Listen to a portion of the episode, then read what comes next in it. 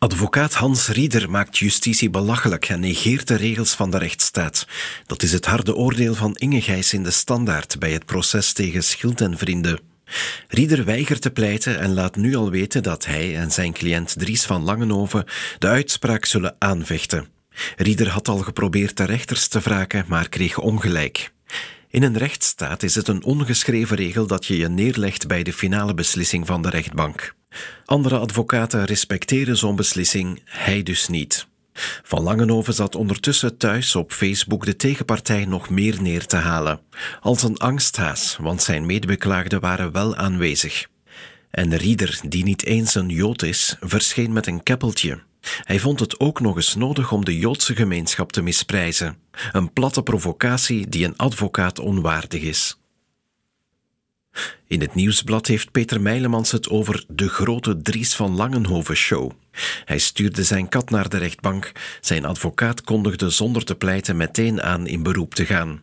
Tot nu waren het alleen moslim-extremisten die de autoriteit van de rechtbank ontkenden, nu dus ook het kamp van Langenhoven. Hij hoopt zo op een veroordeling om het martelaarschap te kunnen claimen in de strijd om vrije meningsuiting. Het is zielig van Hans Rieder dat hij meegaat in de politieke profilering, de provocaties en de waanideeën van zijn cliënt. Rieder haalt de geloofwaardigheid van het hele rechtssysteem onderuit. Niet alleen zielig dus, ook gevaarlijk. Dédain voor het rechtssysteem, dat is ook hoe Chris van Marsenille het ziet in de Gazet van Antwerpen. Rieder toont zo een grote minachting voor het gerechtelijk apparaat dat je je kunt afvragen waarom hij in godsnaam advocaat wil blijven.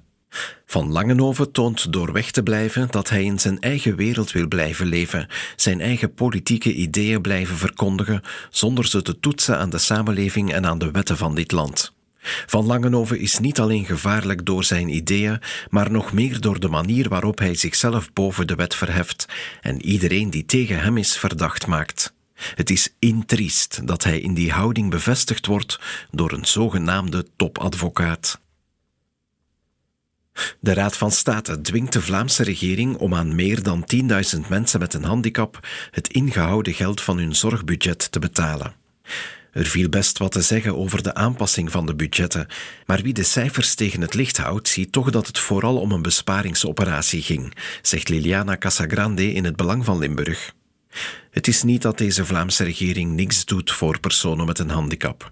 Het budget ging met 40% omhoog. De wachtlijsten wegwerken kost 540 miljoen. Dat is veel, maar niet onoverkomelijk. De zorg voor de meest kwetsbaren is een collectieve verantwoordelijkheid van de Vlaamse regering.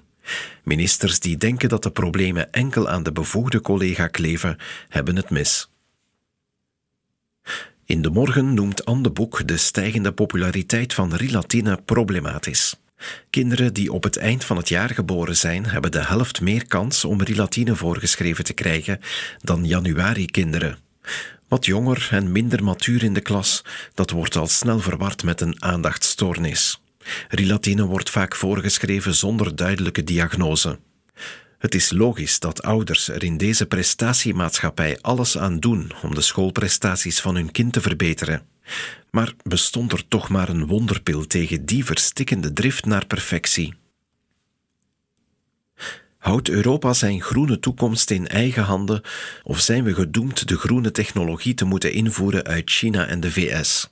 Het is een economisch-existentiële vraag die bij ons gesteld mag worden in het dossier Ineos, maar in Duitsland ook bij autobatterijenproducent Nordvolt. Duitsland geeft bijna 1 miljard euro aan het bedrijf. Minder globalisering heeft zijn prijs, zegt Bart Haak in de tijd. Zowel in Peking als in Washington staan de subsidiedeuren wagenwijd open. Europa heeft die les in pragmatiek begrepen.